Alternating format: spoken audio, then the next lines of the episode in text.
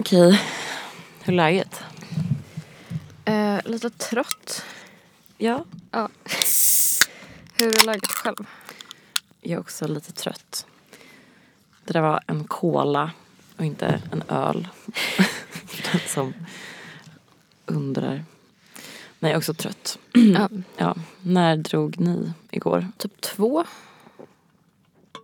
Ja. så inte så sent. Nej, inte så farligt. Men det tar alltid, det tar alltid tid att ta sig hem. Särskilt för mig. Ja, precis. Ni bor ju en bit ut. Exakt. Och sen ska man komma hem och så ska man typ göra sig i ordning och Ja. liksom komma i säng. Alltså jag tycker det bara blir så sinnessjukt när man är på en klubb från liksom innan ett typ. Alltså Ja. då börjar man känna att man har varit där för alltid Ja, verkligen. efter ett tag. Och igår var vi på Spybar Ja. från typ klockan halv elva. Ja. det, var för, det var för tidigt. Ja. Det var ju mysigt också att det där innan, innan det liksom hade öppnat. Ja. om man ska säga. Jag pratade om, eh, om det med Ingrid igår. När jag började hänga på Spybar Mm. så brukade vi gå dit på så här torsdagar. Typ. ja. Och då brukade det vara att vi var och drack öl någonstans, något ställe i närheten. Och sen så gick vi liksom till Spybar vid elva när det öppnade, eller om det till och med öppnade tio. ja. Och det var så jävla kul.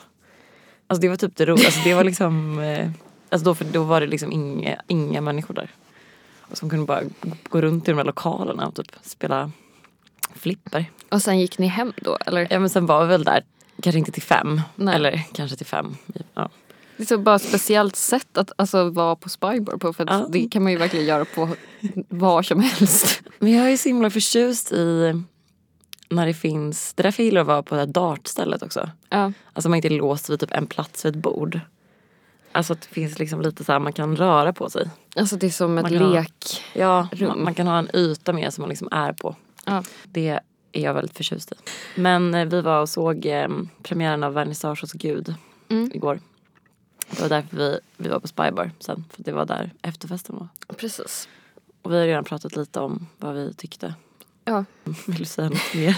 Jag har inte riktigt förberett en eh, recension av den. Det känns som att jag pratar om den så genomgående med alla Mm. som var där igår. Att jag liksom nu inte riktigt vet vad jag ska säga. Nej, Men den var kul. Alltså, Jag skulle verkligen rekommendera att man ser den. ja. ja men det räcker väl. Ja. Där, så. Jag håller med. Rekommenderar verkligen att se den. Nej. Jag eh, började bråka med Kalle och Oskar på vägen hem. Mm, jag såg det i vår Ja, just gruppchatt.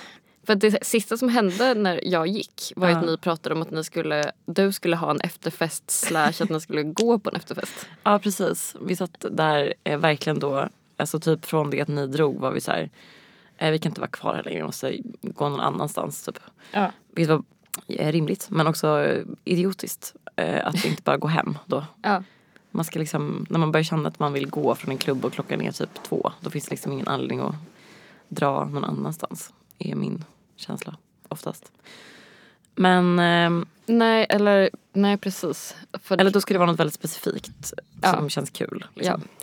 för att man är ju liksom redan på kvällens sista stopp. Ja, eller exakt. vad man ska säga. Ja. Alltså då, är det väl liksom, då får man väl stanna där tills det stänger och sen Ja. om man verkligen inte vill gå hem då, Nej. då får det bli något annat. Ja. Kul att sänga. Var på Spybar mellan 10 och 5. Sju Ah, timmar. fy fan. En hel arbetsdag. Ja. Det är ju ett heltidsjobb att festa. Ver- verkligen. Verkligen. Det tar så mycket tid. Ja. nej. Och sen så var det så här fram och tillbaka. Jag bara, vi kan dra hem till mig kanske. Och så var de så här, nej men det finns en fest på Djurgården som eh, vi ska dra till. Och så försökte vi liksom få kontakt med någon som var på den festen. Och så först fick vi inte det och sen så fick vi det. Och så var det som att det var så här fram och tillbaka. Och sen så gick vi. Och då Jag hade flera gånger sagt att jag inte vill åka till eh, Djurgården Nej. på efterfest. Eh, men sen så tydligen så hade vi bestämt det lite ändå. Men jag hade liksom inte riktigt uppfattat det. Så sen när vi kom ut så var jag så här, men då drar jag hem typ. Och då var Kalle och Oskar så här, fucking skämtar du? Va? Vi, vi gick härifrån nu för att vi tillsammans skulle dra på den här festen. Ja. Och så var de så här, du sa ju att du ville. Vad fan typ. Och jag fattar ändå. Alltså att man blir, om man tror att någon ska följa med och sen, alltså det blir en mood kill liksom. Ja precis, och som en antyder att så här, nu har vi inte tillräckligt kul. Nej, exakt. då blir det ju svårt att känna själv att man tycker det. Ja, alltså man precis. kan inte upprätthålla den känslan liksom. Nej. När någon har eh, en annan känsla. Exakt. Ja, men så då um, slutade med att jag och Oskar så skrek på varandra på tunnelbaneplattformen. Åh nej, men gud. Men Vad dramatiskt. jag vet, jättedramatiskt. Det är så, jag bråkar typ aldrig på det sättet. Nej, Alltså jag blir liksom inte arg så ofta. nej. Men förstår att man blir arg om man upplever att man blir tvingad att åka på efterfest. Det var bara att Oskar var så här, du bara fucking lurar oss för att du vill, att vi, du vill inte gå hem ensam, du vill liksom ha följe hem. Så du lurade oss att du skulle på efterfesten och sen så sa du att du skulle hem. Så att vi skulle liksom bli tvingade att bara åka med dig hem. Jaha. Alltså liksom Vilken ta intressant. tunnelbanan tillsammans. Eh, Och då var jag så, Analys. ja då blev jag så här, men då känner inte du mig Oskar. Nej. Det skulle jag aldrig göra. Och varför skulle jag vilja ha sällskap hem? Eller så här, det spelar ingen roll. Typ Nej, Du... du, Sitta på en tunnelbana i 12 minuter. du kan ju verkligen gå själv från Ja, vilken typ av situation som helst. Ja. Det har jag sett hända flera gånger. ja och, då, och jag tror att han sa väl det lite för att han var, jag tror inte han menade det. Nej. Men vi pratade idag och det är lugnt. Ah, vad skönt. Men det Vad skönt var- att det inte är att du liksom tar ut din ilska här och sen eh, kommer Ja. det vara liksom dålig stämning. Nej, nej absolut inte. Nej, vad bra. Ja, det var min kväll. Ja. ja, men det låter ju som en ganska normal kväll. Eller hur? En normal kväll på Spybar.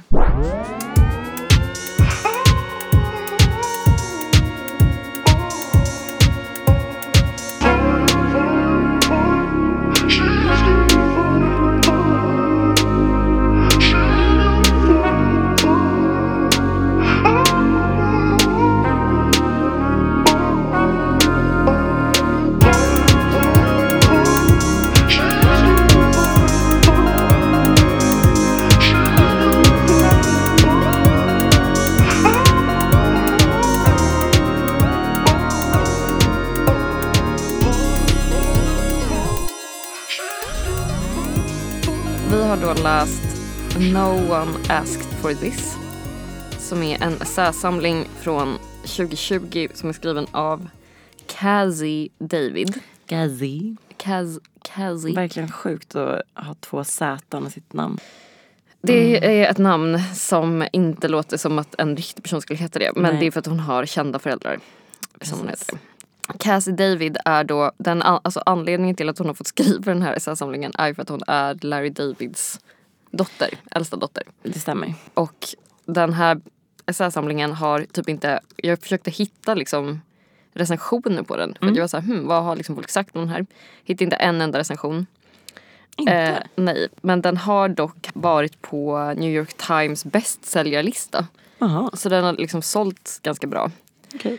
En anledning till det är ju för att den längsta essän i boken handlar om hennes väldigt eh, brutala breakup med Pete Davidson Ja. som hon var ihop med i två och ett halvt år och eh, sen så blev han ihop med Ariana Grande en vecka efter att de hade gjort slut. ja. Så man kan tänka sig att det genererar ett visst liksom, allmänintresse. Mm.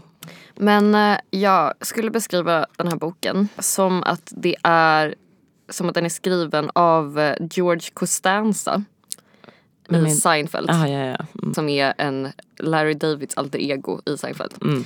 Om George Costanza var en 25-årig tjej som hade tillgång till Instagram och eh, självdiagnostisering. Ja. Eller um, att den sk- också skulle kunna vara skriven av eh, Jonathan Unge om Jonathan Unge var en 25-årig tjej som kompenserade för bristande humor med att vara snygg. ja. Mm. Ja. Du tyckte inte att den var så rolig alltså? Alltså, jo, den var, den var liksom ganska rolig. Jonathan Men- Unge är roligare. Jonathan Unge och Larry David är betydligt roligare. Jag ehm, vet, har in, vet ingenting om Larry David tyvärr. Eller jag har liksom inte konsumerat, jag har inte kollat Seinfeld eller Curb Your Enthusiasm eller något. Det är så otroligt sjukt att din enda nu, liksom, ingång till Larry David är att du har läst den här boken. Ja. För att han är ju liksom eh, den så här, viktigaste Ja. komikern Jag vet. de senaste Jag vet. 30 åren. Jag Typ. vet, det är pinsamt. Hur kommer det sig att du inte har kollat på Seinfeld? Ja, jag vet inte. Nej. För att jag inte har kollat på någonting nästan tror jag. Alltså det är Nej. verkligen, vi har ju pratat lite om det här förut. Alltså, jag är så jävla obildad vad gäller film och serier. Jag, har- alltså, jag, har typ, alltså, jag har inte sett någonting som är så här. Jag har inte sett Titanic typ. Alltså jag har verkligen... Nej. Jag, bara, jag, vet, jag vet inte hur det har gått till. Jag har missat. Det är ju kul liksom för att mm, alltså alla andra sitcoms som har kommit efter den, alltså typ Friends, How I Met Your Mother, alltså alla sådana som handlar om typ så här en vänsgrupp. Mm. Alltså de har- har ju snott väldigt mycket från Seinfeld liksom. Men det är också att det är som att Seinfeld är liksom som de tv-serierna, eller de är ju som Seinfeld fast liksom skriven f- för väldigt eh, typ dumma personer. Det här, det här var ett otroligt vidrigt ställningstagande av mig. Men eh, jag, eh, ja, den är väldigt, det är väldigt kul för det är ganska sällan man typ ser tycker jag så här, amerikanska tv-serier som är ha, alltså lite intellektuella typ. Alltså också alltså att den inte är så här, det måste vara så här minst gemensamma nämnaren hela tiden. Alltså så Just här, det, Mm. man kan också ha typ referenser som är så här lite smalare. Mm. Just det. Så eh, jag vet inte, men det är liksom någonting med så här det påverkar ju liksom hela läsupplevelsen tycker jag. Eller så här, att för mig så har ju jag liksom en förutfattad mening om en bok. Om den liksom är skriven av en person som huvudsakligen är känd för någonting annat än att skriva. Liksom. Mm. Och man fattar att så här, den här boken finns liksom inte för att Alltså vilket så, här, så är det ju med alla böcker, alltså det finns ju någon typ av marknadstänk kring all utgivning. Men när det blir så uppenbart Mm. så tycker jag att det liksom Alltså påverkar ju läsupplevelsen på ett negativt sätt typ. Mm. Alltså det är ju svårt att så här förhålla sig objektivt eller vad man ska säga. Alltså ännu svårare än med en bok som är skriven av en person som liksom har, som har författare som huvudsaklig sysselsättning. Liksom. Eller alltså hon har ju författare som huvudsaklig sysselsättning men det... eller hon har ju typ att vara kändisbarn som huvudsaklig sysselsättning. Ja. Och så skriver hon lite vid sidan av det typ. Men det känns ju ändå som att hon... Eh, alltså det är författare hon vill vara. Ja Och har velat vara. Liksom. Och sen så är det väl som att hon kan vara det för att hon är kändisbarn. Eller? Ja. Men det är liksom också så... Det är väl Eller- också ja. någonting hon vill vara för att hon kan vara det, tänker jag. Ja, just det. Eller hon säger i och för sig att hennes, det hon ha- helst var skulle vara är stand-up-komiker. Ja, Men det skulle hon inte våga. nej. Nej. Och det tycker jag att, jag att hon gör rätt i. Ja. jag vet inte, jag tycker- alltså det är bara så pinsamt med barn som försöker liksom efterlikna sina väldigt framgångsrika föräldrar inom samma område. Alltså, Om hon skulle ha hållit på med eh, stand-up. det vill ja, säga. exakt. Alltså ja. hon, då jag hade varit... Jag tycker det är så plågsamt Ja, alltså. Men också så eh, liksom, otroligt höga förväntningar. ju. Ja, som man absolut såklart inte kan Nej, exakt. Nej. nå upp till. Alltså det är en omöjlig position att vara i Mm. liksom. Ja, Då är det bättre att göra någonting annat. Äh, Ja, men det gör hon inte riktigt heller. Hon håller ju på med humor. Eller, Ja. liksom. Men det känns väl kanske också... Jag vet inte. Jag tyckte ändå det kändes som att det kom naturligt för henne. Och inte som att hon är såhär, jag vill vara som min pappa och hålla på med humor. Eller? Men det är ju alltså det, är det som är svårt att säga tänker jag. Eller liksom det blir så himla hypotetiskt. Det är en grej som man kanske har pratat lite om i den här Nepo baby kulturbarns snacket liksom. Men att det, alltså man befinner sig ju verkligen i en typ av väldigt kon, alltså märklig så här, nästan, alltså någon sorts moment 22 när man är ett sånt barn liksom. Det blir liksom ett nederlag typ vad man än gör. Mm. Alltså om man börjar jobba med någonting liksom helt annat så är, blir det ju så här, okej men du var inte tillräckligt, du var inte lika begåvad som dina föräldrar. Mm. Alltså man måste ju- man, ens föräldrar är ju som någon sorts liksom prestations... Man Mm. mäter ju hela tiden sin, sin prestation gentemot ens föräldrar och alla andra gör ju också det liksom. Mm. Alltså det bästa är väl om man så här, jobbar med någonting som är typ kreativt fast i- inom ett helt annat fält liksom. Mm. Just det. Och är bra. Ja, det. och är bra på det. Mm. Men jag måste nog säga, jag skrattade högt flera gånger. Du Läste gjorde den det? boken. Mm. Jag tyckte den var jätterolig. Okej, vad bra. alltså hon är ju absolut väldigt fyndig liksom, Mm. tycker jag. Jag bara kände typ att den, alltså den var, den hade absolut sina stunder liksom. Och jag tycker hon, hade, hon har ju ett väldigt så här sardoniskt liksom svart syn typ, humor Ja. och språk liksom. Ja. Alltså hon skriver väldigt snackigt typ. Ja. Och att jag tycker att så här, det oftast funkar ganska bra liksom. Men att eh, den bara känns lite som att så här, den typ nådde inte riktigt hela vägen för mig. Alltså jag kände Nej, så här, hon jag hade fattar. Mm. behövt, den ha- hade behövt typ någon som Mm. var lite mer typ intresserad av text eller så. Som hade behövt titta på den liksom. Hur var den eh, korvmässigt? Alltså den höll. Den höll. Den höll hela vägen. Jag hittade ingen korvfilm. Gud vad skönt att höra. Det var väldigt skönt faktiskt. Äntligen. Jag mår så himla, alltså jag blev verkligen så här, det börjar Ja. klia typ när det är ett korvfilm för att jag blir så besviken på redaktören. Ja, Men det var ju bra i alla fall. Mm. Ja det var väldigt bra. Mm, vad härligt. Okej. Jag tänkte kanske läsa baksidestexten Mm, jag gör det. så att Mm. man får en liten eh, mer överblick över vad den handlar om. For Cassie David, the world is one big trap door leading to death and despair and social phobia.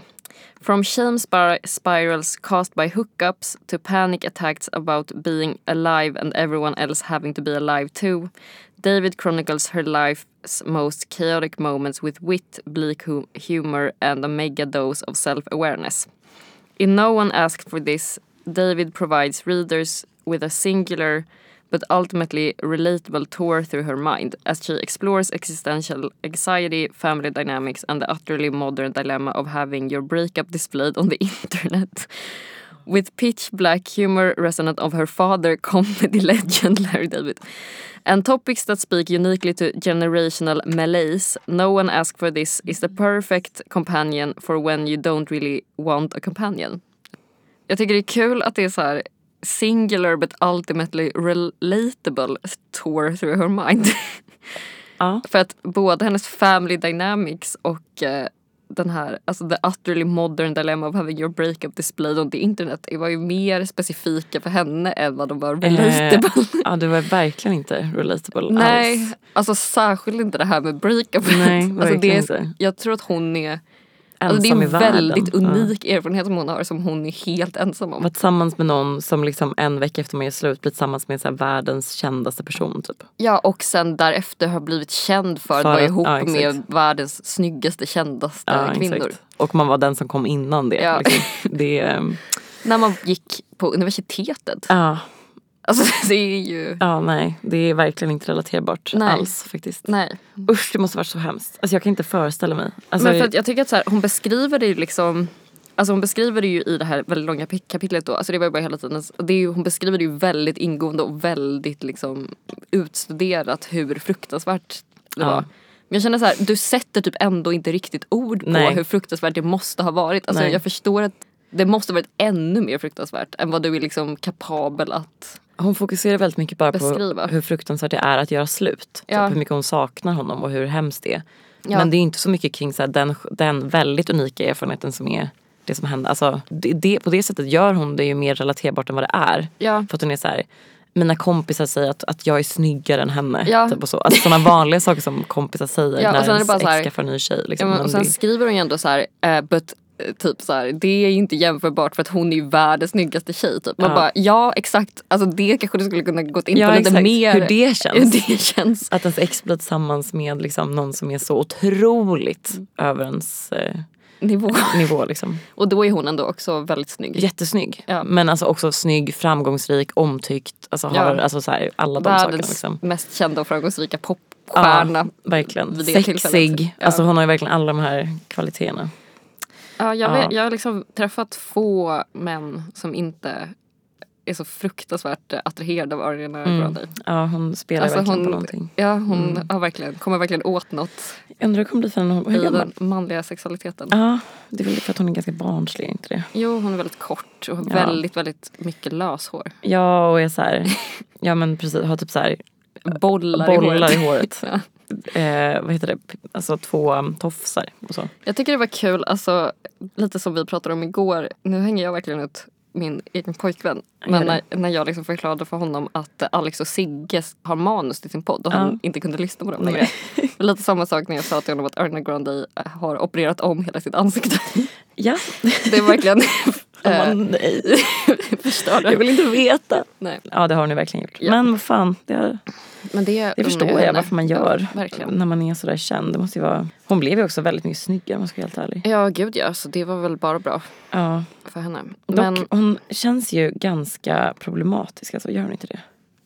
Men på vilket sätt? Alltså, typ, alltså hon blir ju hela tiden cancelled för att så här blackfisha och nu senast att så här, asian fisha. Alltså det är ju gulligt att höra att vissa har liksom fått för sig, alltså generöst tolkat det som att hon är typ latino. Ja hon är väl För italienare. att hon har så mycket spraytan. Ja, exakt. hon är ju Italian American. Exakt men sen så har Alltså hon liksom. halv Italian American tror Ja jag. precis. Ja exakt. Två generationer Ja. tillbaka. Men sen har Uppvuxen i hon, typ såhär Kentucky. för sen det som hon har gjort nu på senaste är att hon, har du sett bilderna?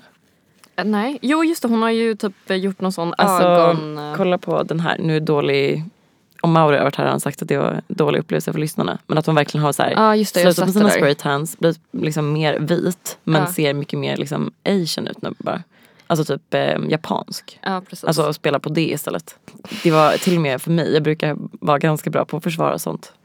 Eh, faktiskt. Ja.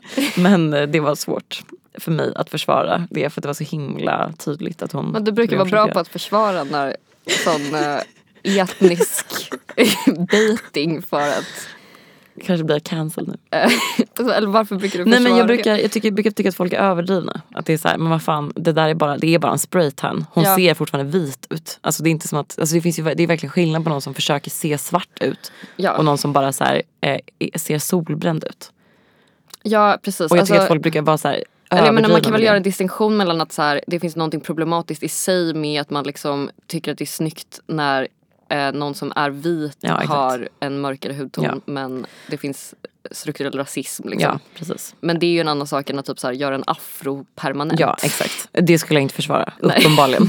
alltså jag, för- det här är ju ett riktigt problem och det är ju verkligen eh, alltså det är vidrigt att, vad folk håller på med det. För Ja. att också det är vidrigt att så här, olika etniciteter kan typ vara inne och ute och typ så att man kan använda dem som ja, men verkligen kostymer. Ja, precis. Såklart. Men jag tycker också att alltså, på internet så har det varit väldigt överdrivet. Att folk är så här, så fort någon typ gör en spraytan eller typ använder bruntansol eller typ bara blir solbränd naturligt så är det så här, du blackfishar. Ja. Typ. Och då, så det var mer det jag menade. ja, det kan ju bli ganska nyanslöst. Ja, exakt. Men jag tycker att alltså, om vi ska återgå lite till boken så är ju typ det här skulle jag liksom säga är det största problemet med den här typ ändå så här helt okej, kul, liksom ganska ute, självutelämnande essäsamlingen typ. Alltså att hon liksom säger ju hela tiden och liksom hela ingången är ju på något sätt att hon är väldigt självmedveten. Och att hon också är så här, hon skriver hela tiden och det är på ett väldigt så här f- att hon försöker komma med så förbehåll om att det är så här, jag vet att jag är jätteprivilegierad, jag vet, jag känner till mina privilegier, jag vet att så här, jag ska vara så tacksam, jag vet att jag har fått det här livet, bla bla bla. Men att hon liksom inte typ riktigt är medveten om hur orelaterbart alltså hennes liv är. Alltså det blir så märkligt tycker jag när det är så, just den grejen att hon försöker liksom appellera till någon sorts, re, alltså att hon ska vara relatable. När det hade varit mer intressant om hon hade kunnat liksom, in, alltså vara så pass självmedveten att hon skulle kunna typ se kritiskt på hur unikt hennes liv är typ. Verkligen. Relaterbar kände jag inte att den här boken var Nej. alls. Eller på Alltså- ett sätt gjorde det för att jag kände igen väldigt, alltså hon skrev väldigt många saker som jag höll, höll med om. Ja, Alltså typ så, på det sättet var den relaterbar. ja, Alltså typ så här, hon skrev att eh, depression är motsatsen till ångest. Typ. Och det, vet jag, det har jag skrivit en hel text om på Nöjesguiden. Mm. Ja. För jättelänge sedan. vad kul. Att Du jag var- är Sveriges svar på Cassie Davids. Din Nej, men det var mamma ändå- är Sveriges svar på Larry David. Exakt. Men typ och så här, med hennes ångest och så Mm. känner jag igen mig mycket i. Liksom, och sådana saker. Ja. På det sättet var det relaterbart. Men det var ju också så extremt att det inte heller blev relaterbart. Nej precis för att jag kan vara så här, för att jag har ju verkligen inte haft den typen av så här djup ångestproblematik liksom. Nej. Och jag kände ju verkligen att så här, det här är inte särskilt rel- relaterbart Nej. för mig. Att må på det här fruktansvärt mörka sättet. Åh, Alltså, nej, nej. alltså även i mina mörkaste stunder är det här liksom inte... Ja, nej. Alltså det är kanske relaterbart i en viss dos Ja, liksom. exakt. Mm. Alltså i en mikrodos men inte så här i den enorma omfattningen som hon beskriver det. nej, liksom. alltså hon är ju allvarligt psykiskt sjuk. Ja, eh, får man ju verkligen säga. Och hon lider ju fruktansvärt mycket av det. Verkar Ja, det som. alltså om man ska tro den här boken Ja, i alla exakt, fall. precis. Om Och man det ska kanske tro är- hennes mm. Instagramkonto så Ja. Mm. verkar hon väldigt väl anpassad. Vilket ska man tro? ja. Kanske en kombination. Och precis, det är ju också en bok som man får väl tänka att den inte gör anspråk på att vara helt sann heller. Eller att det är en, så här, en, en biografi. Liksom. Nej, alltså till exempel skriver hon ju fruktansvärt elakt utelämnande om alla i sin familj utom Larry David. Och eh, Alltså sen så i slutet av det och säger tack för att ni är världens mest underbara människor. Att Ja. ni har läst den här boken och tyckte att den var så bra. Typ. Ja, hon tackar också Pete. Är det Pete Davidson? Ja, jag googlade på det. Så de Thank är you, liksom I love you. Ja. You're my best friend. de är på så good terms nu.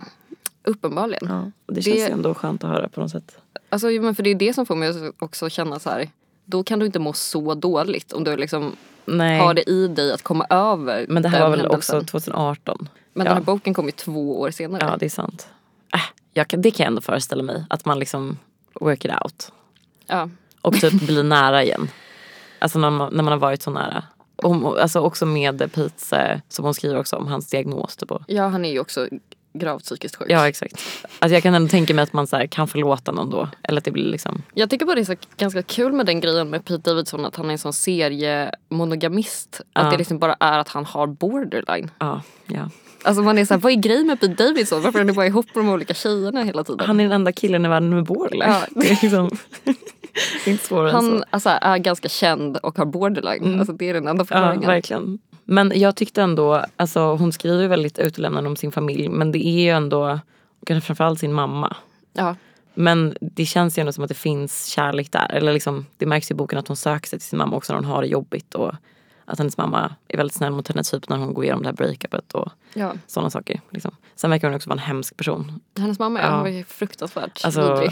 eh, en så Alltså jag dålig blev ju förälder. liksom rasande Ja. varje gång hon återberättade någonting som hennes mamma hade sagt eller gjort. Och sen var typ så här. Och det höll jag väl med om att hon hade rätt med Ja. en poäng med det. Man bara nej! Nej. Hon är alltså sjuk i huvudet och en, alltså, extre, alltså, är otroligt opsykologisk, Alltså som den då när destruktiv eh, föräldraskap. Liksom. När hon inte har någonstans att bo. Hon frågar om hon får bo hos sin mamma. Och hennes Ja. mamma säger nej, du får inte bo här. Ja, Du eh, smutsar ner och stökar ner. ja. Och man är så här, va? Men Det är din sjukaste jag hört. syster får det. Ja, för att hon smutsar inte ner och stökar ner. Och så Nej. det är så här, ah gud. Och sen är det typ så att hon hittar en bit choklad i sina byxor som Ja. har smält. Och är så här, nu, förstår jag, varför jag inte får bo hemma hos min mamma. Nej, jag är hemlös. Ja, vad ska du prata om?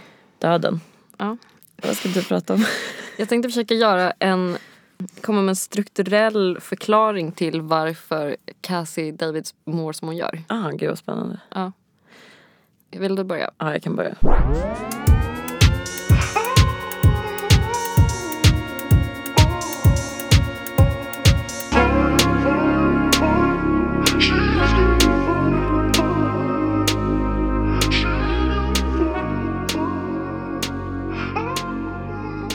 Jag, jag sa ju det igår, men efter en väldigt stressig vecka som att jag har eh, tenta. Mm. Så jag har varit tvungen att liksom kombinera mitt tentaskrivande med eh, s- skrivandet av den här pratan. Eller eh, vad jag ska prata om. Vilket jag eh, ändå blev att jag satt verkligen eh, alltså, klockan 12 idag och skrev vad jag skulle prata om. Hon var imponerande ändå. Ja, vi väntar med att säga det. Men eh, jag, jag har då skrivit en tenta mm, om två frågor. Intersektionalitet och eh, döden. Det är inte två ämnen som jag känner så går ihop helt naturligt. Nej, d- ja, det har varit två olika frågor. Ja. En har handlat om intersektionalitet och en har handlat om Det döden. var det jag Ja. gissade. Och det är då, för jag läser utvecklingspsykologi 3. Eh, som är utveckling i v- vuxen ålder. Från 20 till döden. Då. Mm.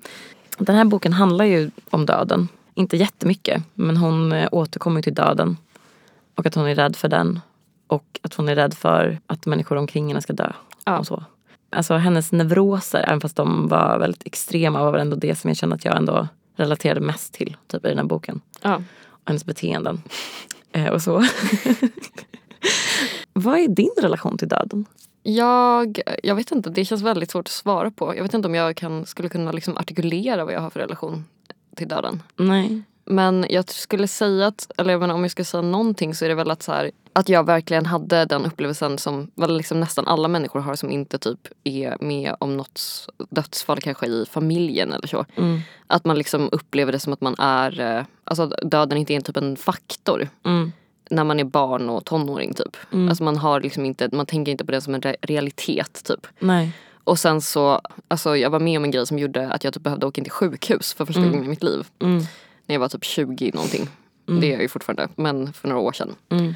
Och eh, då var det som att jag typ insåg så här, jag är en kropp upp. mm, Och sen så hade jag väldigt mycket dödsångest och typ panikångest ett tag. mm, Och nu har jag bara valt att ignorera det.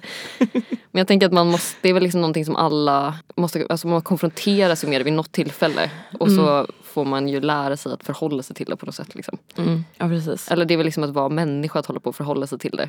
Men Ja. för mig kom mitt behov av att förhålla mig till min egen död typ ganska sent. Liksom. Ja. Samma här. Ja. Och det känns också ganska vanligt. Alltså jag minns att jag pratade om det med folk då. Och som var så här, ja jag har också precis fått den insikten. Ja Mm. typ. exakt, i den åldern. Ja, att det precis. hände någonting just då. Ja. Men för att eh, Paul berättade att han hade en sån när han var liten. Mm. Alltså när han var liksom ett barn mer. Ja. Att han, jag vet inte om det var någonting som hände eller om det var någonting annat. Men att han hade liksom den processen då. Typ. Ja. Och att nu var det liksom gan- väldigt genomarbetat från honom. Ja. Jag blev så jävla avundsjuk på det. För jag hade verkligen mitt sånt uppvaknande för bara några år sedan också. Ja. Eller egentligen hade jag kanske när jag var typ 18. Men så här ordentligt fattade att jag skulle dö. Ja. På riktigt, typ, tog in det. Det var Ja. bara några år sedan. ja. Smart man är. Men det känns som att så här, det, för det är så typ synkroniserat för nästan alla människor att det känns som att det nästan måste vara någonting biologiskt. Typ. Alltså det är någon sån pubertal, Mm. alltså att det är så här sista delen av puberteten typ. Mm.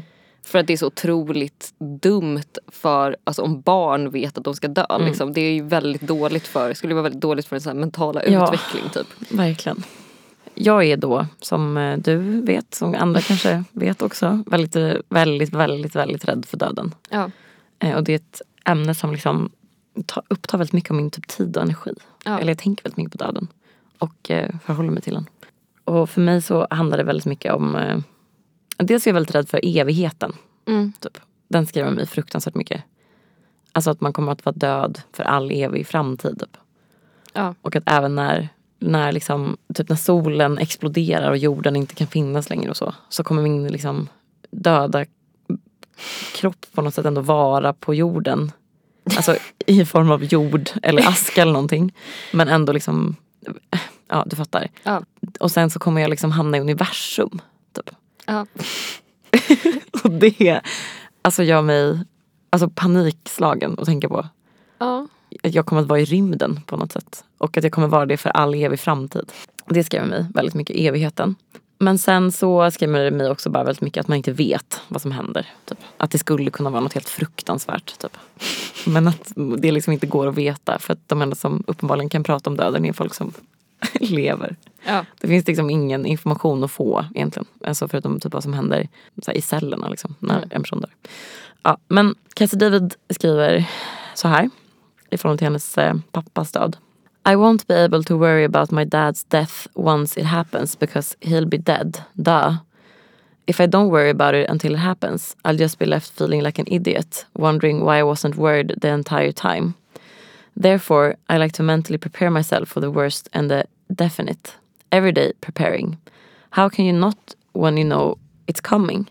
People prepare for interviews and pregnancies and marathons and battle. Why not death? Och det håller jag ändå med om. Det är svårt att invända mot logiken i det resonemanget. Ja, eller hur? Och jag tycker också att vi har ett så himla konstigt förhållningssätt till döden. Mm. Jag, jag upplever ändå att det är väldigt många som, även fast man typ fattar att man kommer dö, så är det inte som att man fattar att man kommer dö. Alltså, Nej. eller typ vad det då antagligen innebär. Liksom. Och man, jag kommer på mig själv att tänka på det sättet också. Att man är så här, alltså att man ens tänker att man skulle kunna känna någonting efter döden. Alltså jag tror att det är typ som, samma som med typ oändligheten. Att det är så här, hjärnan kan typ inte ta in Nej. vad oändligheten är. Och man kan liksom inte heller ta in vad det är att typ inte finnas. Och sen så förstår jag att det, har ju liksom, det finns ju kulturella implikationer också som gör att man så här, alltså typ religion och så som är så här, ni kommer att träffas sen eller din, eh, din pappa är stolt över dig. Alltså sådana grejer som man kan säga om döda människor. Liksom. Som att det skulle finnas känslor efter döden. Liksom, eller, ja, jag vet inte, jag, bara- jag tycker att det är, så, um, det är så jävla sjukt. Alltså att man ska dö. Ja. Och det tycker jag inte att folk eh, pratar om så mycket. Eller på ett sätt så gör folk ju det. Ja. Alltså mycket s- kultur och politik och allt möjligt handlar ju om döden på olika sätt. Liksom. Ja men det är väl det är mer i undertexten liksom. Ja, precis. Och jag tycker att det är, alltså n- nu är det också för att jag är väldigt rädd för döden. Vilket gör att jag har svårt att förstå hur man inte är det liksom. Mm. jag- det relaterar väldigt mycket till Cassie David. Att jag inte kan fatta hur inte fler människor, att det är något de tänker på hela tiden. Typ. För att det påverkar ju en hela tiden på något sätt att man ska dö. Men den här tentafrågan då som jag skrivit. Den har liksom rubriken Death and Dying. Och efterfrågar liksom vilka olika perspektiv som finns på döden. Och då vill de främst att man ska anlägga ett biopsykosocialt. Vilket innebär att man angriper från ett biologiskt, socialt och psykologiskt perspektiv. Liksom Ja. och förklarar. Och i min eh, kurs litteratur så står insikten att man ska dö kan liksom vara bra också eller positivt för människor för att man kanske förbättrar sin fysiska hälsa eller bygger sundare och närmare relationer med människor. Man kan också bli mer öppensinnad, typ när man liksom får ett dödsbesked eller så. Men för Cassie Davy då, och här relaterar jag också, eh, verkar det bli liksom mer eh, tvärtom. Hon skriver I live every day like I'm dying, but not in the fun way where you, where you live life to the fullest. In a miserable way where you live it to the emptiest. ja, för att döden kan ju verkligen göra en liksom eh, paralyserad av skräck också. Mm. Vilket har varit fallet för mig och m- många andra också. Inte lika mycket nu för tiden men verkligen liksom tidigare. Och jag träffade faktiskt en psykiater för eh, några veckor sedan. Som när jag berättade om de perioder som jag liksom har varit mest rädd för döden eh, beskrev för mig att det var början på en psykos. Oj. Ja. och eh, det var typ ganska skönt att han sa det för att jag har liksom känt det. Ja. För att det var så jävla typ psykotiskt tillstånd att vara i. Ja. Och Cassie David beskriver sina rädslor så här. I sometimes wear a magnet in my pocket to deflect rays from technology. Anytime I enter any room or building, the first thing I do is clock the exits and figure out an escape plan for multiple scenarios. My first thought when I hear a plane overhead is that it's about to fall on top of me. When I hear faint whistle, I assume it's a code between two people to move ahead with their plan to kidnap me. Och jag tänkte berätta lite om hur mina rädslor har sett ut i några liksom bara enskilda exempel. Ett tag kunde jag inte gå nära husfasader för att jag var så himla rädd att någon skulle tappa någonting från ett fönster och jag skulle få det i huvudet och dö omedelbart. Så jag liksom gick alltid så långt ifrån kanten som möjligt. Och när det var riktigt jobbigt har jag liksom inte kunnat gå ut överhuvudtaget. Eh, om somrarna så brukar jag inbilla mig att mina födelsemärken är fästingar. Och eh, jag försöker liksom riva bort dem. En gång så tänkte jag att världen är en simulation som pågår inuti mitt huvud. Och den eh, tanken påverkade mig liksom i flera veckor efteråt. Och var så här helt verklighetsförändrande typ. Ja. Jag kan inte sova i lägenheter som är högt upp för att jag är så rädd för brand. Och det har också blivit att jag, jag har så här ett, som ett typ tankepalats som jag brukar, alltså typ när jag ska- inte kan sova så brukar jag så här tänka på, jag har som en lägenhet i mitt huvud som jag brukar liksom tänka på att jag är i typ. Och så brukar jag tänka vad jag, vad jag gör i den lägenheten och eh, vad, hur det ser ut där och typ så. Alltså bara, verkligen så bara för att eh, distrahera en. Och det är jättekul för att jag har liksom också varit tvungen att i det tankepalatset typ lösa som en, ha en lösning för om det skulle börja brinna. för att kunna känna mig helt typ, trygg där. Vilket är helt efterblivet. Men jag skulle kunna tänka bara att det inte börjar brinna liksom. Men det funkar tydligen inte. Jag har i många perioder inte kunnat varken åka eller köra bil. När vi körde ett bil till Italien i somras så var jag så stressad över det att jag, min mens var typ två veckor sen. Mm. Och jag mådde eh, konstant illa. Eh, jag kan inte äta jordnötter. Även fast jag inte är allergisk mot det. För att jag inbillar mig att jag sen jag åt det senast har blivit allergisk. Så jag får en panikångestattack av att äta jordnötter.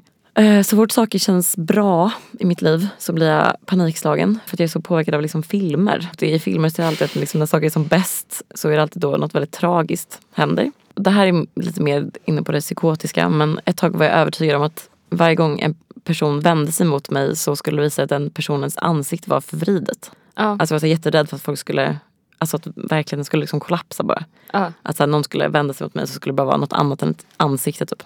Och det var jag liksom aktivt rädd för. Det låter gränspsykotiskt. Ja. Det kan jag hålla med om. Och något annat som också är lite gränspsykotiskt var att jag ett tag liksom inbillade mig att marken som jag gick på inte var horisontell utan typ vertikal. Alltså att jag inbillade mig att jag liksom gick uppåt. Alltså jag vet Ja. inte ens hur jag ska beskriva hur det kändes. Nej, men men jag det förstår var vad du liksom menar. som att jag bara, vänta är marken verkligen platt? Är den inte vertikal? Ja. Går den inte uppåt? Typ. Så kändes det. Ja. Och så vidare och så vidare. Och, så vidare. och eh, de här rädslorna som jag haft har ju såklart påverkat mig på en massa sätt och eh, begränsat mig eh, jättemycket. Och, så. och nu är jag inne i en ganska bra period. Vilket är väldigt skönt men eh, ja, det är ju ändå väldigt eh, energikrävande. Men eh, tillbaka till döden då. En person som har ägnat eh, hela sitt liv åt döden är psykiatern och författaren Elisabeth Kübler-Ross. Och hon var mm, groundbreaking inom både liksom för vården och inom psykologin. Men också typ för samhället på det stora hela och hur man såg på döden. För att man beskriver det som att det finns olika skiftningar på hur man har betraktat döden. I början var det mer liksom en naturlig del av livet och det var liksom någonting som hela samhället var involverat i. Och mm, folk var inte så rädda för döden. För att, kanske också för att det fanns mer religiositet och man tänkte att man skulle se sen och typ så. Och sen så gick det till att vara mer eh, eh, invisible. Man var rädd för det och ingen pratade om det och man tog inte i det. Nej. Och nu beskrivs det som att vi är mer i ett stadie av social death som är typ att man dör innan man faktiskt dör. För att man betraktar inte döende människor som att de har någonting att säga till om. I så här, Fy fan vad mörkt. jag vet. det är verkligen sant men Ja. eh, det är ju Mm. Det är ju helt fruktansvärt. Ja, jag vet. Men framförallt kanske gamla personer som är så här Alltså typ att närstående och vårdpersonal har liksom skött allting utan att kommunicera med dem. Ja. Typ och så här, hur man ska ta hand om dem och vad de behöver för vård. Och typ att de inte alls har fått prata om vad de behöver. Ja, men också att man bara, alltså det är väldigt vanligt att man tar typ en döende, alltså om- när, att när man man blir gammal så hamnar man på, man på liksom ett ålderdomshem som Ja. bara är en sorts förvaringsenhet Ja, för eh, döden. ja Liksom. exakt. Precis, verkligen. Ja, det är så hemskt faktiskt. Riktigt eh, mörkt. alltså bara någon sorts så här källarvalv där vi låser in det här så att vi inte behöver liksom se eller tänka på det. Typ. Ja, verkligen. Också som att människor bara för att de typ blir gamla och ska dö liksom skulle sluta ha typ tankar och Ja. åsikter eller liksom Ja, viljor eller behov. Typ. Alltså det är ju, ja. Men det, det här var då eh, Elisabeth Kübler-Ross väldigt eh, bra för. för att hennes, det hon gjorde, hon liksom ägnade hela sitt liv åt det här. Eh, och det var att hon liksom intervjuade olika människor som eh, hade fått en dödlig sjukdom. Eh, som det var säkert att de skulle dö av. Och hon har skrivit en bok som heter On Death and Dying. Och den tror jag att jag har hört om. Ja, den säkert. Den är verkligen alltså jätteinflytelserik. Ja. Och den är liksom baserad på intervjuer hon gjorde med mer än 200 personer. Utifrån de här intervjuerna så utvecklar hon som en sorts eh, modell för döden. Där hon beskriver liksom fem olika stadier som den döende personen går igenom när den har fått veta att den ska dö. Och det första steget är då eh, denial. Och det karaktäriseras av att patienten vägrar inse att det är sant. Och kanske eh, så hävdar den att så här, någonting måste ha blivit fel. eh, Röntgenbilderna stämmer inte. Eh, Ni måste ha f- blandat ihop dem. Eller så kanske man söker sig till en annan läkare typ för att få en second opinion. Men alltså det är hon som har kommit på den här, de fem stadierna av sorg. Mm. Ja. Ja. Men grejen är att det är inte fem stadier av sorg. Nej. Utan, Det är fem stadier av att dö. ja, Det, alltså, den har verkligen misstolkats. Folk tänker att den handlar om att sörja. Exakt. Alltså, det är så här, Att man sörjer en annan person. Exakt, men den handlar inte om det utan den handlar om personen som, ja, den som dör. Vilka stadier den går igenom. Men sen så har det också, alltså det har ju blivit bredare och den här modellen har ju kommit att appliceras på andra kriser som folk går igenom också liksom. Ja. Så inte bara döden. Men det där är jävligt intressant. Alltså för att när man läser liksom skildringar av personer som sörjer så känns det som att det där inte stämmer. Mm. Nej. Liksom.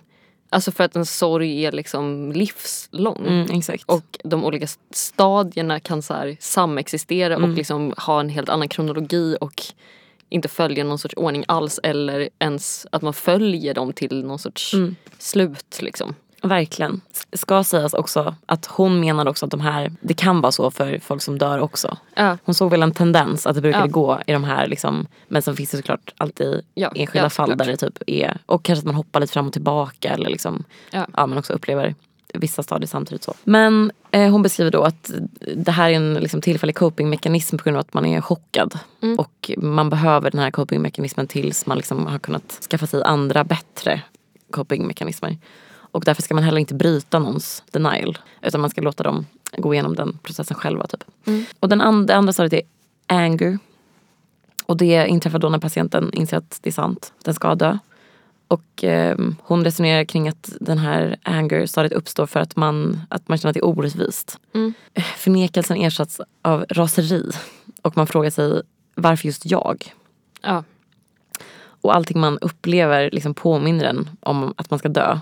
Man kan inte kolla på tv, man, man vill inte typ kanske prata med människor som inte ska dö. Nej. Och man känner sig också väldigt avundsjuk på alla. Och sen så är nästa steg eh, bargaining.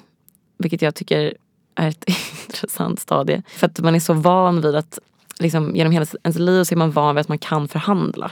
Mm. Typ om man är så här, men jag, om jag lovar att sköta mig då brukar man få någonting för att man gör det. Ja.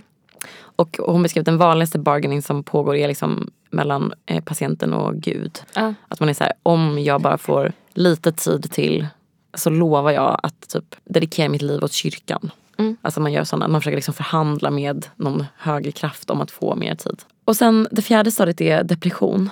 Mm. Vilket också är ett intressant stadie. I det att det kanske är enklast att förstå. Men det finns också, hon beskrev att det finns olika typer av depressioner som orsakas av olika saker. Och den första typen kallar hon för en reaktiv depression. Som är en depression eller en sorg som aktiveras för att ens typ eh, praktiska omständigheter förändras för att man ska dö. Alltså typ att, så här, hon beskriver, i USA till exempel är det väldigt dyrt med vård. Så för många människor som ska dö där så liksom, eh, behöver de kanske sälja sitt hus. Ja. Eller typ att de bara inte kan göra samma saker som de gjorde förut för att de inte har energi. Eller kanske känner sig kontrollförlust över att inte kunna bara ta hand om sitt hem eller känner sig ledsna för att de tänker att kanske klarar sig mina barn utan mig nu. Liksom så. Och att den depressionen kan eh, tjäna på att man liksom försöker resonera med den och vara såhär, nej men det, det kommer lösa sig, det blir bra. Det är inte någon fara. Typ såhär, d- dina barn är med deras mormor eller nå- någonting liksom så. Men sen så finns det också en, ett- en annan sorts depression som hon kallar för förberedande depression. Och i boken Death and Dying så står det en så himla fin sak som verkligen fastnar hos mig. Och det är The patient is in the process of losing everything and everybody he loves. Vilket också kändes så typ, läskigt att tänka på. För att det är verkligen det som händer när man, fre- när man får ett dödsbesked. Alltså att man behöver börja säga hej då till allting. Ja. Man pågår också en process av att typ mista allt Ja. på ett väldigt sjukt sätt. Och i den här depressionen ska man inte typ uppmuntra. Utan man ska bara liksom finnas där, typ rent fysiskt. Ja. Och så här, ja så är det. Du kommer att förlora allt liksom. Och det ja, är en sorglig process som då man måste gå igenom. Och sen det sista stadiet är acceptans. Men hon skrev att det inte ska betraktas som ett happy stage utan mer som en total frånvaro av känslor. När man Ja. har gått igenom alla de här stadierna. Och liksom bara inte kan känna någonting mer typ. Det här tycker jag eh, är, s- säger så mycket om hur fel det här har tolkats. Eller För att hur? min uppfattning om det här acceptansstadiet är ju liksom att så här, ja, nu går jag vidare. Ja, Nu har jag löst det, nu har jag Ja. liksom tagit mig igenom det här, nu är jag klar med det, nu kan jag liksom börja leva som vanligt igen. mm, Typ. precis. Men det är ju då raka motsatsen till det. Exakt, det är att man dör. Alltså i... Precis. att det är slut. Bara Men, liksom. men liksom också att det är att alltså, alltså, acceptansen är mer en resignation. Typ. Ja, verkligen. Kanske ett Ja, exakt. bättre ord. Ja, verkligen. alltså att man ger upp. Ja, man ger upp. Och det är ju oftast den här perioden som är svårast för typ anhöriga och så. Ja. Vilket man kan fatta. För att Ja. det kan vara, hon har, hon, beskri- hon har jättemycket intervjuer i sina böcker och så. Hon beskrev någon som bara var så här.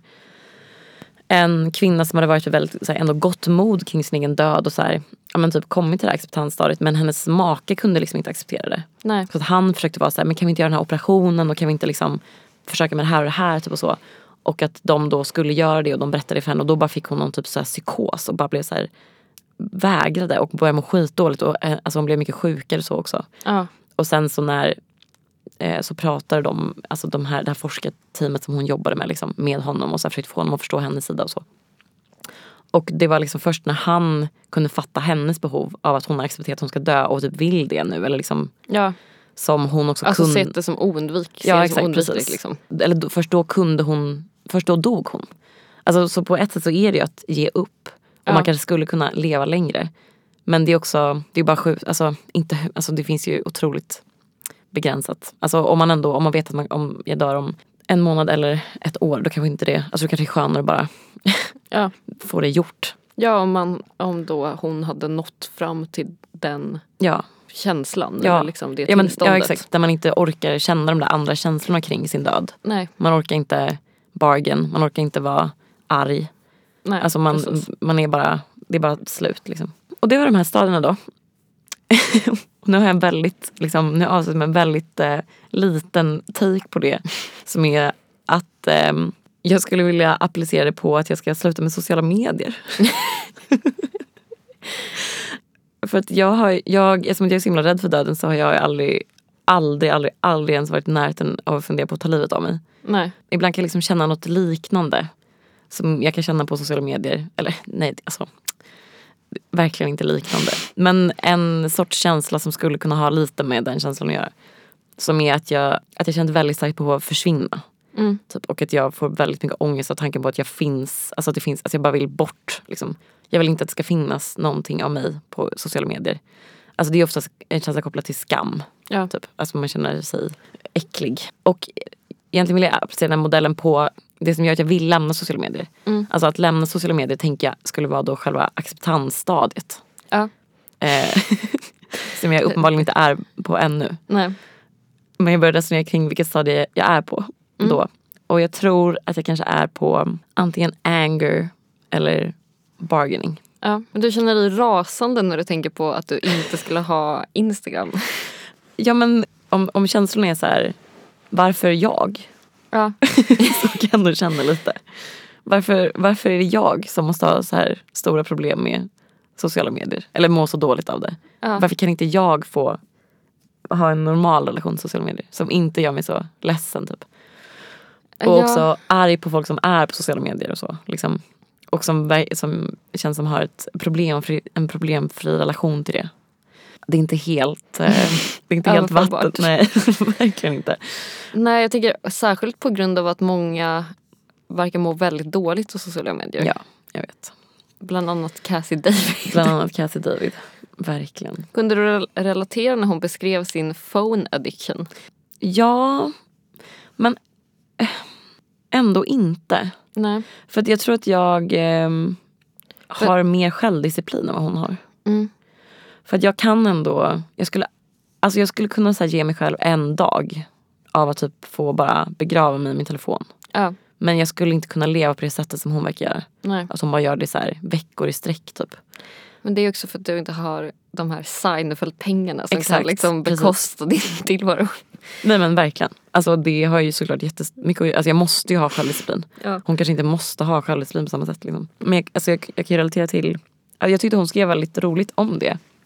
Alltså, och hon nämnde ju- eller hon pratade om det på ett sätt som vi också pratade om det. Ja, Att det, är precis. så här, att det är som ett beroende men utan det roliga. Ja. Med en drog utan bara ångest. Och att, eh, att man väntar Och på att något brist kul... på kontroll. Liksom. Ja, och att man väntar på att något kul ska hända som aldrig händer och aldrig har hänt. Utan Nej. det är bara en sån illusion av att det var på ett roligare sätt någon annan gång. Liksom. Men jag, jag ser fram emot att röra mig genom de här stadierna. Mm.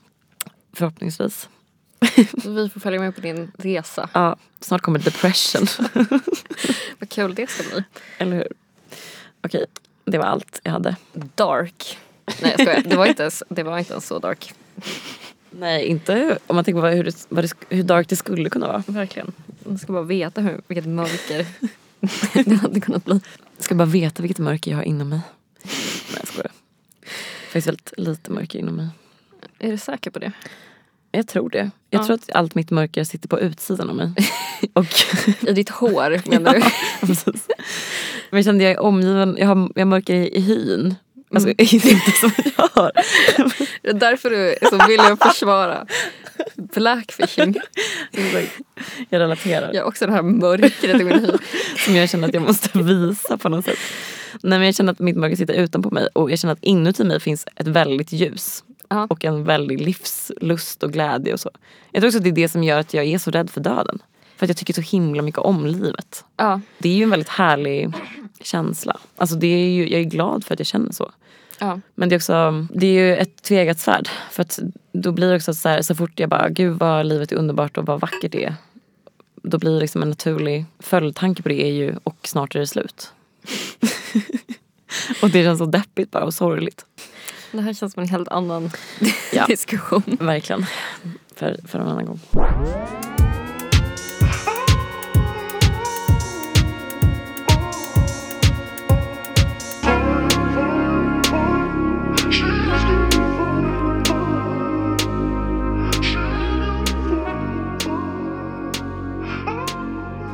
Ja, alltså du läste ju nu ett citat från boken. Mm. Och jag hade faktiskt också tänkt läsa precis det citatet, fast en lite längre version.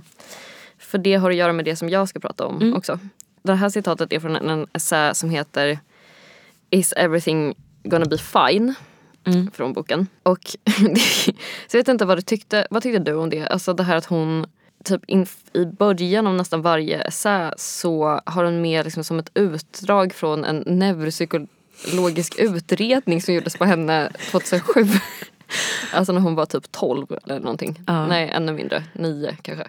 Alltså, jag har också gjort det, höll jag på att säga. Ja. Eller jag har ett blogginlägg på Nyhetsguiden som bara är så här utdrag ur min journal. Ja. Typ. Eh, Som verkligen var alltså, nu må- många år sedan och eh, när jag hade mycket mindre integritet. Men nu ehm, kände jag när jag läste det att det är, alltså, det är ett smart sätt att säga någonting om sig själv Ja. utan att behöva säga någonting om sig själv. Det är någon annan som säger någonting om en. ja. Och Det känns lite självupptaget. Som fan. Tyckte jag. Ja, verkligen. I alla fall, det här kapitlet handlar ju då om hennes eh, många rädslor. Mm. Som du precis beskrev också. Mm. Alltså att hon är väldigt eh, rädd för väldigt mycket. Mm. Och eh, begränsar sitt liv. Eller har, verkar ha begränsat sitt liv liksom. Alltså till en väldigt extrem. Mm. Och så verkligen låter sig styras av de här rädslorna. Och hela tiden också får nya rädslor. Mm. Hon beskriver liksom sin tillvaro så här. The world is a 24 hour a day minefield of possible dangers and pitfalls and at any point you might mysteriously suffer from something crazy and die. People say you can never be too careful but that's not true because I am. I don't sit for too long so I don't have a high risk of dying from cardiovascular disease. I never eat sugary cereal anymore, even though it was probably the only thing that ever brought me do- joy. I sometimes wear a magnet in my pocket to deflect rays from technology. Det här var ju det du läste också. Och så fortsätter det efter där då du slutade läsa. Every time I walk down a flight of stairs I picture myself at the bottom of them with my head cracked open which encourages me to walk in slow motion down each one. When I go take a shower I have a 20 minute debate in my mind do I lock the bathroom door and risk keeping someone from saving me if I fall and hit my head or do I leave it open and risk an intruder coming in to rape and murder me? Or what if it's locked and I can't tell if there's a fire and I burn to death? Ja, så det är så här hon lever sitt liv då i konstant rädsla för att eh, allt hon liksom tar sig för ska orsaka en katastrof. Liksom. Och hon tillskriver det här permanenta tillståndet av skräck till en händelse från när hon var fyra år och nästan kvävdes av en bit grönkål. Mm. Som hon då minns väldigt väl eh, och beskriver i boken. Plus att hennes mamma är the definition of a doomsayer. Mm. Vilket hon verkligen är för att hon liksom verkar aldrig missa ett tillfälle att liksom upplysa henne om någon ny typ av sjukdom Mm. eller så som hon borde oroa sig för att hon ska få. Mm. Alltså igen, jag kan inte, alltså det är Nej. så, man blir verkligen så arg när man läser. Men hon skriver liksom också att hon under lång tid inte sökte någon hjälp för de här eh, katastroftankarna eftersom hon eh, tänkte att de skyddade henne från att något hemskt skulle hända. Då skriver hon så här. I never fully addressed my generalized social panic phobia and panphobic fearing everything and so- anxiety disorders beyond therapy and one try at Zoloft. What could possibly be done to change the inevitabilities associated with being alive, choking, privilege and my DNA? Det är roligt också att hon beskriver sitt privilegie som en anledning till varför hon mår så dåligt. Ja, precis. Vilket eh, jag tror stämmer. Men jag känner inte att hon liksom Nej, analyserar det riktigt exakt. till fullo varför det får henne att må dåligt. Nej, precis. Till exempel att framförallt hennes mamma får henne att känna väldigt starka skuldkänslor hela tiden. Verkligen. inte något som hon går in liksom djupare på Nej. att det skulle kunna bidra till hennes psykiska besvär. Men det som sen fick henne att ändra sig och försöka lösa sina problem var att hennes mamma sa att negativt tänkande kan orsaka tumörer och cancer. Eh, Stackars, stackars Cassie David. Då skriver hon så här. And so my biggest fear became my own personality. when you're as scared as I am, it's a dark day when you realize your own mind can kill you. I added phobophobic, fear of having phobias, to the list and signed up for an intensive psychological treatment program. Gud. Men då trots att hon liksom är, hon benämner ju sig själv som väldigt självmedveten och återkommer hela tiden till att hon är väldigt självmedveten. Det här pratade vi om i början också. Och liksom identifierar då att hon befinner sig i en väldigt privilegierad livssituation. Vilket gör, alltså, tyder på att hon har någon sorts medvetenhet om liksom, samhället Mm. utanför sitt eget liv. Liksom. Ja, men det verkar hon ändå ha tycker jag. Ja, alltså, hon precis. tar ju upp mycket som hon verkligen genuint verkar må dåligt över. Ja. Typ ojämlikhet och så. Precis, alltså hon tillskriver ju då till exempel att världen är så orättvis Mm. som en, ett skäl till att hon mår så dåligt. Alltså Mm. Hon skriver på något ställe så här, min mamma sa att jag måste vara tacksam för att jag har så mycket och andra inte har. Och då Mm. var jag så, men hur ska jag, ja det är för att jag är för tacksam som jag mår så dåligt. Ja. För att jag är så privilegierad Ja. att jag har all den här tiden att tänka på hur orättvis Ja. världen är. Verkligen. Ja. Men alltså här tänker jag ändå, alltså trots att hon då kan liksom identifiera någon typ av så här yttre samhälleliga faktorer till hennes mående. Så tänker jag att det kanske också skulle kunna vara hjälpsamt för henne att liksom inte se oron som en så här inherent del av sitt eh, DNA Nej. och sta- hennes så här specifika livsomständigheter. Utan som en konsekvens av eh, samhällsstrukturer.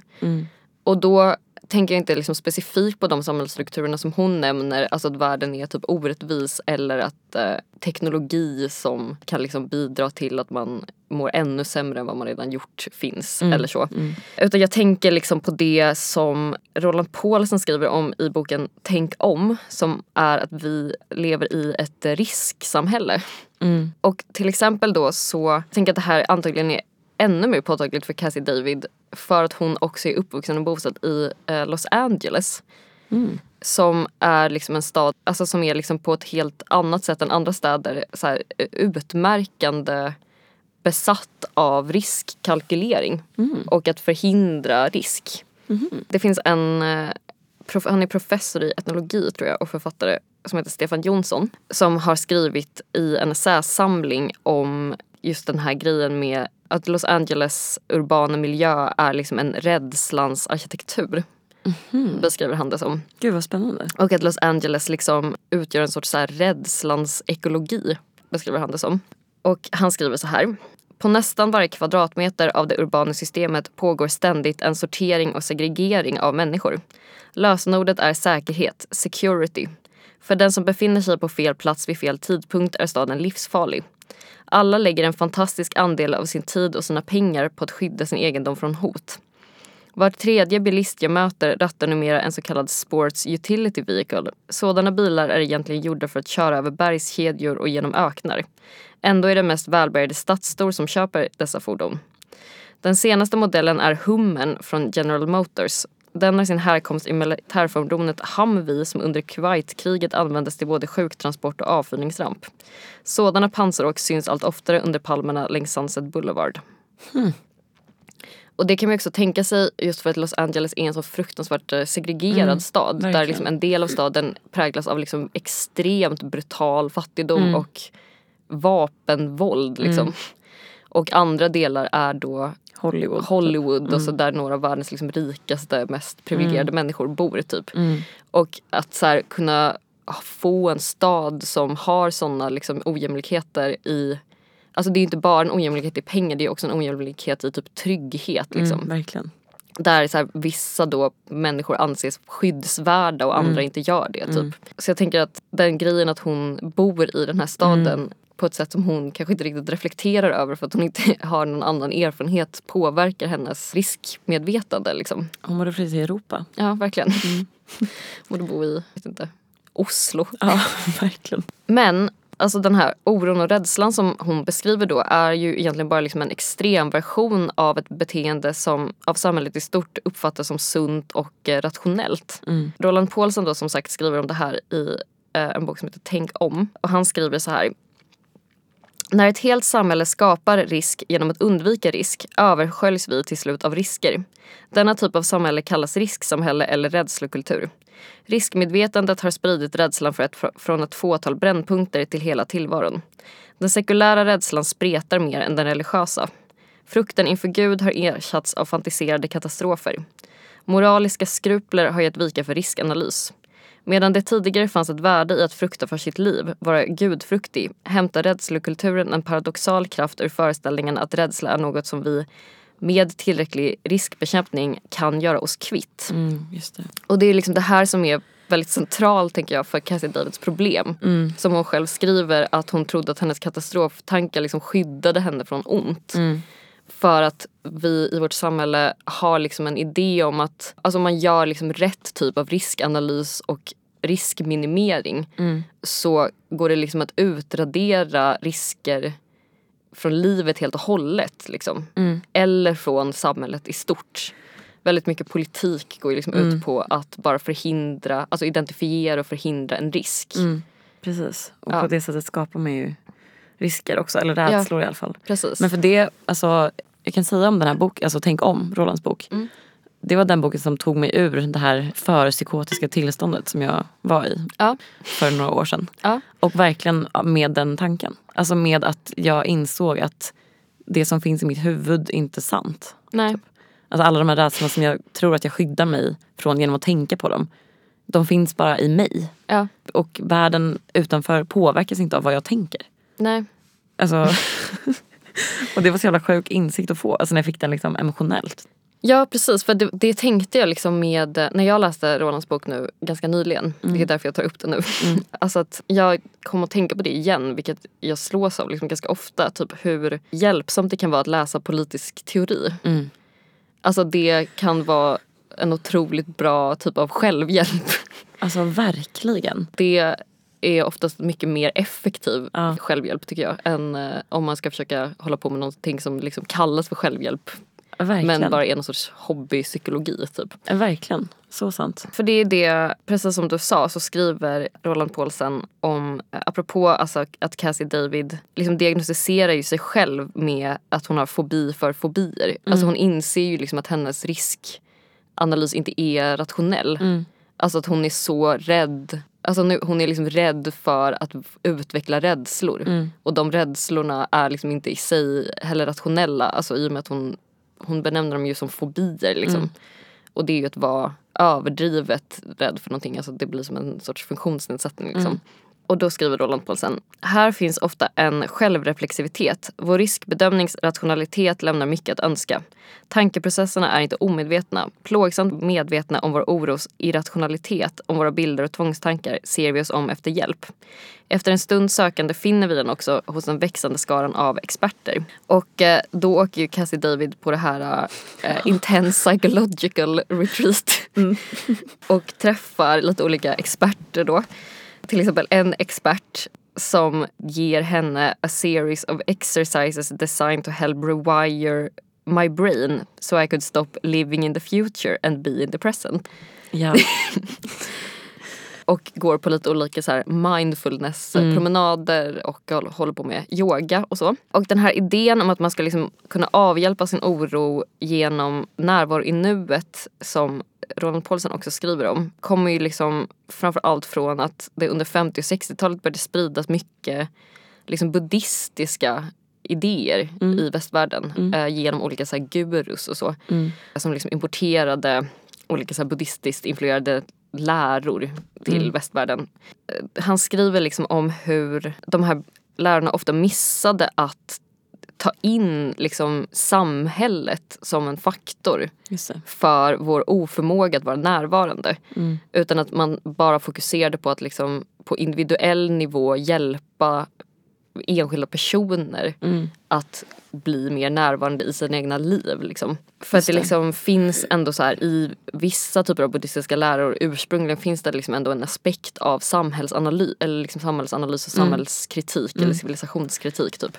Men i den liksom västerländska versionen av dem så är ju det inte med alls. Liksom. Nej. Alltså det var inte det Cassie David fick lära sig på det här intense psychological retreat. Men att vara närvarande i nuet har ju liksom gjorts omöjligt alltså på ett strukturellt plan i vår tid ju. Verkligen. På grund av hur mycket tankeverksamhet vi måste ägna åt vår framtid. Och det är ju liksom en, ett historiskt unikt Mm, fenomen.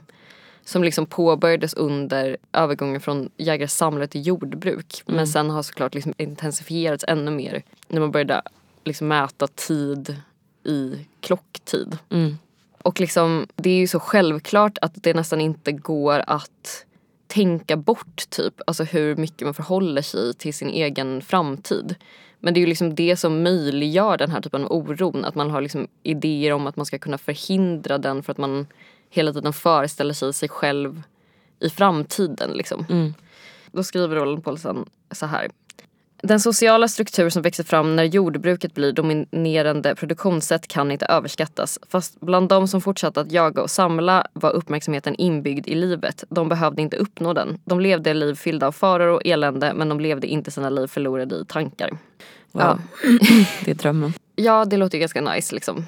Jag har inget riktigt avslut på det här. Jag bara tycker att det var spännande liksom att Cassie David betraktar sig själv som så liksom, unik i sin olycka på något sätt. Mm. Just det. Och hon kanske också är på något sätt exceptionellt lågfungerande i relation till hur mycket rädsla och oro hon har. Liksom.